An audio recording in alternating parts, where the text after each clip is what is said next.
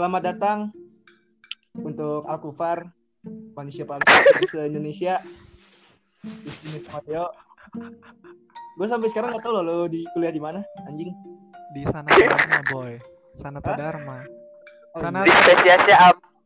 kampus minoritas terbaik di Yogyakarta. Berarti di sini nggak ada yang Islam ya? Apa gimana? Ada sekalinya Islam ya. Beuh, uktinya coy. Uh. Mantep. Berarti may- mayoritasnya eh minoritas jadi mayoritas apa tetap minoritas tuh tetap minoritas? Eh minoritas jadi mayoritas lah. Oh, bangga lu, bangga, bangga lu. Berarti itu harus Mantap. dibakar ormas tuh. oh, tidak ada ormas di sini. Di sini tidak ada ormas. Wah, kalau eh, harus harus FPI mana ini nggak gerak. Oh, Biasanya kalau yang berbau Eh, minoritas tidak boleh. Hey, Eh, Anda Anda Anda membawa label organisasi. Nggak boleh lah. Ntar dipotong, ntar dipotong ya. Nggak ini sebenarnya gue mau nanya nih kepada host ya. Ya. Ini materi kita sore ini apa ini? Oke, materi kita. Kita lagi bahas hal, hal apa hal yang lagi anget-angetnya, yang nggak tahu kapan kelarnya. Ada Aduh. Yaitu eh virus corona, di mana tiap daerah sekarang udah lockdown nih. Nah, daerah lu gimana? Kondisi daerah lu? Daerah lu apa sih? Bantul, Jogja atau apa? gue di Sleman. Sleman. Tim-tim apa ya? eh, kebanggaan-banggaan PSS ya? Wih, jelas. PSS tetap di hati. Saya turun. Oke, gimana kondisi daerah lu? Kalau gue ya, gue sih ngeliat dari nggak dari Sleman aja sih. Maksudnya kalau eh, tingkat kesadaran masyarakat asli Jogja ya cukup baik lah. Maksud gue kan eh, di sini sebentar ya gue buka data dulu ya. Hai, Wih, punya data. iyalah. data. Eh, kalau orang mau nge-podcast tuh harus punya data yang relevan. Setidaknya Iya. yang ini. Kalau gue kan sebagai host cukup pertanyaan aja sih. Ya. Gue dari orang goblok aja deh. Ya, silakan. Apa Kalau- data yang mau Anda sampaikan untuk ya. Alkufar? Kalau minggu kemarin ya, gue pakai data minggu kemarin aja. Kalau minggu kemarin itu yang positif eh, COVID di Jogja ada 16. Oke. Heeh. Dan ODP-nya ada ODP sekitar seratusan lah. Nah, masyarakat di Jogja eh, walaupun kayak Sultan bukannya Sultan nggak apa ya? Eh, memang Sultan belum ngasih aba-aba untuk eh, lockdown atau untuk apa ya? Untuk karantina wilayah, tapi Eh, maaf, maksudnya Sultan Hamengkubuwono. ya Oh, kira ya, Sultan kita pakai- kaya. Iya, wadaw, wadaw. Maksud gua kayak eh, belum ada arahan dari eh bu- bukan belum ada arahan sih. Arahan tetap ada, cuman kayak eh untuk gimana gimana selanjutnya tapi masyarakat itu udah ngejalanin sendiri. Maksudnya kayak ada ada apa ya? Kayak ada inisiatif sendiri gitu. Kalau ini tuh sebenarnya penting gitu. Kalau Jadi, masyarakat asli Jogja. Sebenarnya kalau buat ara, maksudnya buat aturan tertulis itu nggak ada kan? Nggak ada kayak yang gue harus- tahu sampai sekarang belum ada. lockdown gitu. Karena Iya. eh, daerah apa? Tegal, Tegal itu udah lockdown. Mm-mm. Eh, wali kotanya udah menyatakan lockdown buat Tegal. Sama sekali nggak boleh ada yang masuk. Mungkin Sleman gue belum tahu. Eh, Bandung mau OTW, bukan Bandung, Jawa Barat mau OTW eh, zona merah. Sudah zona merah daerah Depok. Depok sudah zona merah. Ya maksudnya kalau untuk seprovinsi baru mau baru mau masuk zona merah. Jakarta kayaknya mau di lockdown total. Nah, apa yang harus kita siapkan eh, sebagai orang yang dikarantina menurut lo? Mungkin dari Rido deh. Kebutuhan pokok paling utama coy. Obat-obatan yang mendasar walaupun kita nggak kena corona kan masih ada DBD, masih ada masuk angin tuh. Ya lu tau lah penyakit-penyakit orang Indonesia. Oke, Ya, kalau terus apalagi ya bagi gua mental. mantap. mental sama uh, listrik kalau bisa listrik tuh jangan sampai di uh, ada masalah lain sebagainya terutama buat PLN ya PLN Uh, tolong banget karena ketika udah di lockdown listrik nggak ada itu bener-bener lu nggak bisa ngakses apa lu nggak bisa ngakses informasi men kayak apa lu lobet atau lain sebagainya terus internet sih koneksi internet uh, per tiang apa sih namanya tuh pokoknya itu dijaga juga biar kayak kita tetap bisa up to date gitu. ya saat bagi gue situ aja kebutuhan pokok tiang agama. Ya. Wadaw, wadaw, wah. apakah Itu itu tidak berlaku untuk anda kayaknya Oh iya. ya menurut Justinus sama Deo apa yang harus dipersiapkan dari masyarakat untuk menghadapi lockdown jika memang ini di lockdown total Eh, pertama sih ya, menurut gua ya, yang paling dasar banget justru bukan kebutuhan pokok. apa tuh Tapi pertama orang-orang sadar aja dulu. sadar Iya. Cukup sadar aja dulu. Seberapa penting maksud gua kayak seberapa penting dirinya dia lah gitu. Seenggak-enggaknya pun lu nganggep enteng ke orang lain tapi coba jangan nganggep enteng ke diri lu gitu. Baru Gitu. habis itu kebutuhan pokok gitu. karena Karena Eh. dari dari kesadaran itu ya, Ip, eh, lu nggak kalau lu udah sadar, lu nggak mungkin kayak ngelakuin panic buying kayak lu langsung ngeborong semua masker atau segala macem gitu loh. tapi ada orang yang sadar untuk dirinya sendiri dan melakukan panic buying gitu. Karena Ada. mereka ada yang sadar kayak gitu karena mereka itu overthinking gitu karena mereka nggak percaya. Menurut gue mereka nggak percaya. dan ini loh maksudnya eh, walaupun kita diterapkan social distancing penjarakan antar sosial tapi kepedulian terhadap sesama menurut gua nggak boleh luntur. Dan orang-orang Iya. yang melakukan panic buying apa sih? Itu panic buying itu apa sih? Ya panic buying itu adalah orang yang tidak peduli terhadap sesama menurut gua. Karena dengan cara di kayak gitu orang-orang yang cuman bisa beli eh apa cuman buat hari ini aja itu bakal kehabisan dan ya gitulah akhirnya Mm-mm. maksud gue panic buying tuh eh panic buying eh, social distancing itu perlu tapi eh, tidak peduli terhadap sama itu nggak boleh Hmm. Itu sih, warung mak gua aja masih buka nih. Buat yang harian nggak apa-apa nggak apa-apa bagus itu malah nah eh, yang beli beli beras liter 2 liter. Tapi jika nih Indonesia nih misalkan Indonesia memutuskan kayak Cina gitu. Kayak Cina kayak Malaysia kayak Italia yang benar-benar melockdown total negaranya. Nanti kondisi Indonesia saat di lockdown kondisi Indonesia nya nih ya bukan kondisi masyarakat tapi kos- kondisi negara Indonesia saat di lockdown itu bakal terjadi apa menurut kalian? Dari lu dulu deh yuk. kondisi di Indonesia ya? Yang pertama Saat sih lockdown total nih lockdown total pertama yang sudah jelas di kalangan remaja ya pasti bosen gabut Traffic IG langsung tinggi banget. Iya. Eh, yang terjadi adalah kayak eh kekhawatiran pasti pasti tambah muncul dong. Kekhawatiran ya tetap nanti bakalan muncul panik sih. Tapi ketika eh nanti orang-orang hebat eh di dunia udah apa ya? Udah memang menemukan jalan jalan kebenaran yo kan? Solusinya. Solusinya yang baik itu seperti apa bla bla bla dan dipahami oleh masyarakat kayak dimengerti juga pasti mereka itu bersabar kok. Intinya tuh bersabar dalam penantian ya kok Hmm. menurut lo Gua rasa gua rasa kalau sampai benar-benar lockdown gi- gitu tadi sih gimana ya? Eh susah pertama kalau emang gak ada kebijakan yang tegas dari pemerintah daerahnya sendiri itu bakal susah banget lockdown karena tadi kayak orang eh yang benar-benar gak bisa hidup secara harian tuh bakal tetap ngeberontak dan akhirnya kayak mereka bakal tetap melakukan aktivitas walaupun nggak seintensif sebelumnya gitu terus eh, bagi gue ketika terjadi lockdown gitu eh, pem- eh, lebih baik pemerintah lebih menekankan kepada generasi-generasi mudanya biar kayak lo lockdown di rumah tapi lo harus produktif. Kayak eh, kayak kita sekarang gitu contohnya kayak eh, oke lah kita nggak terlalu ngefek dampaknya tapi dengan bertukar pikiran kayak gini dan sebagainya itu bakal nemuin solusi-solusi baru yang nantinya bisa buat otak kita berkembang. Itu kan masuk ke daerah produktif juga kan dan harus banyak hal-hal lain yang diberi kemudahan nih bagi kita kaum remaja buat kayak akses internet gratis lah. Kayak kemarin uh, ruang guru sama Zenius dan beberapa uh, beberapa platform uh, pembelajaran dan sebagainya itu bagi gue udah berguna banget. Udah udah sedikit nolong bantu bagi kita yang SBM kan yang tahun ini bakal SBM tapi gak punya kuota-kuota tertentu kan. Karena ekonominya juga lagi ini terus akhirnya pemerintah. Nah, itu bagi gue diperbanyak lagi variasinya lebih divariasi divariasi divariasiin lagi buat lebih banyak gitu opsi-opsi buat kita bisa mengakses dunia luar tanpa harus keluar.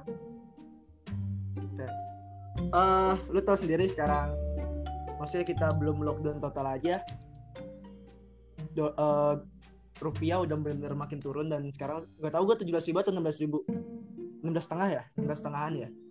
Dan diprediksi sampai akhir tahun diprediksi salah satu lembaga gue lupa itu bisa sampai nem- nembus dua puluh ribu kalau kalau corona ini nggak dicepat nggak cepat di eh, beresin. Nah menurut lo prediksi sampai dolar dua puluh ribu itu bakal terjadi nggak? Kita nggak ada yang ngerti ekonomi nih cuman ini pandangan kita aja yang dua puluh ribu dua puluh ribu ya bagi gue pribadi sih bisa anjir buat nyampe ke dua puluh ribu gitu. Kalau emang uh, pemerintah nggak menyiap pemerintah pasti menyiapkan opsi pasti. dan caranya masing-masing. Tapi tinggal opsi itu bakal berjalan uh, rencana itu bakal berjalan atau enggak kan? Ya seenggaknya walaupun gue nggak tahu ya uh, dampak besar ekonomi do apa rupiah terhadap dolar itu dampaknya uh, yang secara luas tuh bagi gue gimana. Tapi lebih penting lagi tuh kita nggak usah mikirin lah ekonomi ekonomi kayak gitu dan sebagainya. Bagi gue pribadi yang gue nggak nggak punya uh, tadi background pendidikan. Karena yang lebih utama nyelamatin kita diri sendiri kita dulu aja. Oke oke. Ya jangan sampai kayak kita terlalu fokus buat uh, nguatin harga dolar atau lain sebagainya. Tapi kita uh, nggak bisa nyamatin diri kita sendiri. Nggak usah lah berpacu dalam ekonomi. Kita kan punya negara-negara sahabat yang bisa saling backup saling bantu coba itu tadi diplomasi diplomasinya kerjasama kerjasamanya negosiasi negosiasinya lebih diutamain lagi. Oke lu sama gue nggak usah pakai misalkan kayak lu, lu sama gue negara sahabat nih kita nggak usah lah mikirin harga-harga uh, penguatan ekonomi atau lain tapi kita saling saling backup buat kita gimana caranya keluar uh, dari zona ini bareng-bareng gitu. Nah itu bagi gue lebih efek daripada lu mikirin ekonomi tapi lu nggak bisa nyelamatin uh, warga-warga atau tadi aset-aset bangsa lu sendiri kaum kaum muda. Sekarang udah ada belum sih gue nggak tahu ya sekarang udah ada belum sih yang kayak anak muda kena terus mati gitu Eh, ditutupin untuk data ditutupin sama Masa tahu lu? Lu ya enggak pemerintah? uh, ini lah ya, inilah ya inilah uh, umur umur umur maksud gue umur yang usia 30 ke bawah gitu ada sih pasti ada Hah? pasti ada ada, pasti ada. dari lu ya gimana yuk Kalau dari gue sih ya kurang lebih sih nggak jauh kayak kayak Rido sih. Eh, tambahannya kayak gini aja sih. Karena untuk logikanya ketika berbicara tentang rupiah naik eh, di- turun. turun kursnya turun ke ke ini ya maksudnya kayak malah jadi pertukaran dolar itu naik. Sebenarnya melemah lah melemah. melemah ya. Eh, sebenarnya itu eh untuk perekonomian Indonesia menurut gua sih untuk masalah covid ya itu sebenarnya nggak ada pengaruhnya. Karena emangnya lu beli sayur ke luar negeri? Enggak kan? Karena lu pasti karena lu pasti nge-trade-nya sama orang Indonesia. Nggak mungkin dong. Lu lu beli nasi padang lu tuh apa bayarnya pakai dolar bayarnya pakai eh, rupiah India atau segala macam gitu. Menurut gua rupiah itu bisa sampai 20.000 ribu bisa ketika semua negara belum kondusif kalau semua negara belum Iya. kondusif rupiah pasti bisa kayak gitu. Dan bisa bener lagi lah istilahnya bisa nilai tukarnya naik lagi atau jadi apa ya jadi ngurang. Misalkan 15.000 atau 14.000 segala macam itu ketika semua semua ya maksudnya kayak pandemik ini udah berakhir gitu. Pasti semuanya udah membaik lagi karena kenapa kenapa bisa disebutkan rupiah jadi mahal begitu kan? Nilai tukar dolar jadi mahal? Ya karena nggak ada trading di dunia udah stop semuanya trading. Lu tuker-tukeran apa udah nggak ada.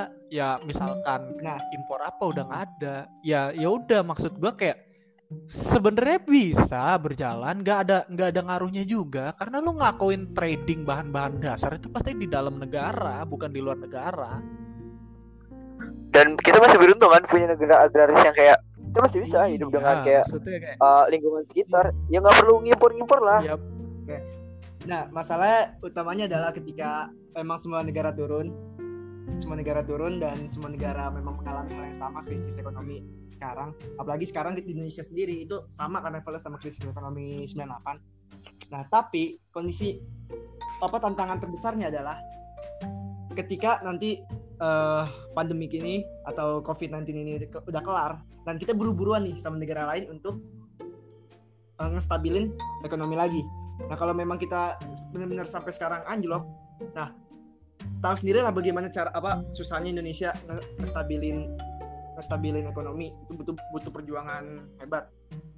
Mungkin kalau kita cuma beli sayur, beli eh, beli gorengan itu nggak kan kita nggak ngaruh. Tapi kan gorengan itu butuh eh, bahan baku. Bahan baku Indonesia jujur itu masih ber- eh, bergantung banget sama impor, sama impor. Nah, kalau memang kita nggak setelah pandemi ini kita nggak buru-buru stabil, itu sangat memberatkan untuk im- importir. Apalagi Indonesia itu masih bergantung banget kedelai, eh, kacang, terus itu walaupun kita bi- punya pabrik sendiri, itu kita, masih impor untuk memenuhi kebutuhan Indonesia. Nah, menurut gua ini pandangan gua ya. Eh, kalau kita nggak buru-buru nggak buru-buru amanin eh, nilai kurs, terus kita nanti setelah pandemi kita nggak buru-buru kejar ketertinggalan, Kita malah rugi sendiri gitu.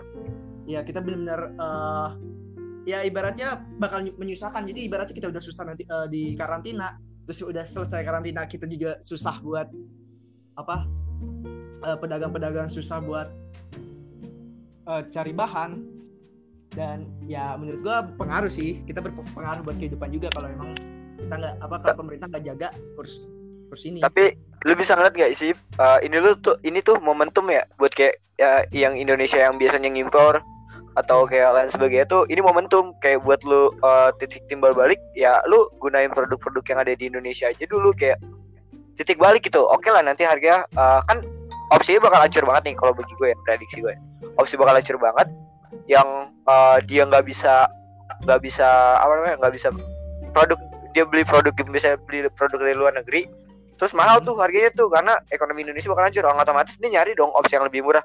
Ya udah gue beli opsi barang-barang uh, dalam negeri aja yang akhirnya nanti bakal mengenjot uh, kepercayaan itu sendiri bagi gue ya. bakal nge- mengenjot kepercayaan mereka sendiri buat lebih berani memproduksi sendiri.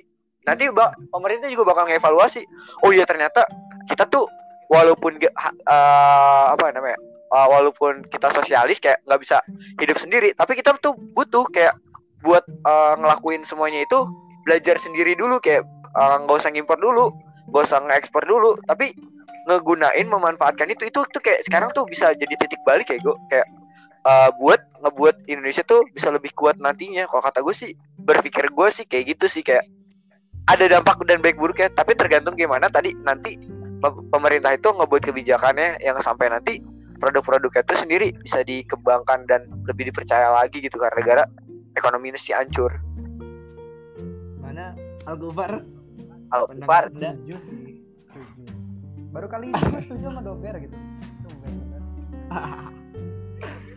Loh ini gue kasih eh, pandangan lain maksudnya boleh dikritik Ayo, ayo, ayo kita kita coba kita saling membackup, saling Ah, menurut data barang hasil impor itu lebih murah dibanding barang yang tidak diimpor. Ngerti nggak maksudnya? Tahu misalkan tahu paham paham gue paham. kita ngimpor kedelai. Eh, misalkan ngimpor sekian banyak dan itu harga di pasaran bakal lebih murah dibanding eh, untuk barang yang tidak kita impor sama sekali dari luar negeri. Karena apa? Karena ketersediaan. Jadi barang yang kita impor karena kita impor jadi ba- barangnya banyak dong dan eh, barang banyak untuk masyarakat yang banyak justru harga stabil dibanding yang kita tidak impor dan kemampuan negara cuman segitu kemampuan negara cuman segitu memproduksi untuk kebutuhan orang yang sangat banyak harganya pasti lebih banyak sesuai dengan apa permintaan penawaran dong Supaya in demand. Gitu. Iya. Jadi eh oke, bener kata lu kita harus produksi bisa produksi sendiri. Nah, tapi kalau memang eh bukannya gua pesimis atau apa, cuma kalau memang tidak dibarengin dengan kerja keras bareng-bareng dan hasil produksinya cuma sekitar segitu-gitu aja dan itu malah menimbulkan harga yang justru malah melonjak tinggi menurut gua. Bisa bisa bisa. Coba dari lo yuk gimana yuk? Oke, gue setuju. Sangat berat ya, yuk. Berat. Ngomong. Berbicara seperti ini tuh berat. Aduh, lu kecil banget suaranya, yuk. Berbicara seperti ini tuh berat, coy. Maksudnya kayak Ya bener juga. Kapasitas negara berapa ketika nggak bisa memenuhi kapasitas? Mau nggak mau kita harus impor kan? Iya. Nah, ya nanti itu sebenarnya. Sekarang pun nggak bisa. Mikir kalau mikirin sekarang sekarang nggak bisa. Karena apa? Karena karena belum ada waktunya gitu. Bukan belum ada waktunya. Mungkin emang dari sekarang dipikirin tapi kalau didebatin dari sekarang menurut gua malah kayak apa ya bukan buang-buang waktu tapi belum waktunya aja gitu. Malah lu buang-buang apa ya yang seharusnya diperdebatkan nanti gitu nggak usah didebatkan sekarang. Karena pasti banyak solusi yang muncul na- kayak apa ya banyak pandangan atau ide-ide lain yang muncul pasti nanti. Pas jalannya waktu ya. iya berjalannya waktu. Tinggal nunggu aja gitu bagi gue pribadi sih lebih baik kayak eh, daripada semua ya ki- kita pasti petinggi-petinggi atau kayak eh, pemerintah pusat tahu lah resikonya dari eh, melakukan tindakan A atau B. Mereka eh, pasti udah nyiapin opsi eh, planning jangka pendek, menengah dan jangka panjangnya kan. Nah, tinggal eh, rencana itu berhasil atau enggak. Kalau enggak berhasil berarti harus ada revisian dan akhirnya harus dikembangkan lagi, dikembangkan lagi sampai ya nanti bisa balik lagi. Gue yakin kalau Indonesia bisa lah kuat kuat lah kuat tapi bagi gue yang bikin gue netting adalah ketika populasi itu lebih banyak daripada sumber daya alam yang disediakan sama bumi ini gitu. Nah itu bakal terjadi eh, over over apa ya namanya? Over kapasitas lah. Eh, SDA-nya cuma segini ya sumber daya manusianya segini banyak ya. Bagi gue eh, pengendalian penduduk itu lebih penting lagi dan menghasilkan penduduk-penduduk yang lebih memiliki taraf hidup yang lebih berkualitas juga. Nah itu yang paling penting lagi utamanya. Ini sih bener-bener pembelajaran bahwa kesehatan adalah hal yang paling penting di dunia. Eh, tetap kabar-kabaran bor gimana apalagi Deo nih daerah lu kayak gimana soalnya di Bojong Sari eh, berita terakhir itu satu orang masih baru satu orang Meninggal. meninggal kan Eh, enggak baru kena, satu orang Bojong Sari dan Bojong dari Bojong Sari itu sendiri itu di daerah gua Anjir kamu kebun eh, apa? tai bu daerah lu bukan Bojong Saring ya pet kan gua masih kecamatan Bojong Sari lu mau maunya biar biar keren aja gitu kecamatan Bojong Sari ber sebenernya dia Eh, gua masih kecamatan Bojong Sari Biar keren. cuma kampungnya Pak, orang yang kena Padahal mah kan. Eh, kepleset arko itu kepleset iya kepleset arko tapi gue masih daerah Bojong Iya. Sari di terus di, di kampung gue udah ada 20 sekitar 20 orangan ODP baru ODP Anjay. ya belum PDP Iya anjay. Gokil. ya jadi hati-hati apalagi daerah lu juga banyak kan ya doa aja semoga corona cepat kelar amin Biar kita ada graduation gitu. nah itu makanya nanti kita bahas itu ya tentang graduation ya graduation yang terancam gagal 4 Juni ya harusnya ya. Pada gue udah lunas tuh, gue udah lunas tuh pembayaran bisa mungkin gak ya? tinggal, tinggal bayar graduation ya Gue udah lunas anjir, minta dibalikin ah.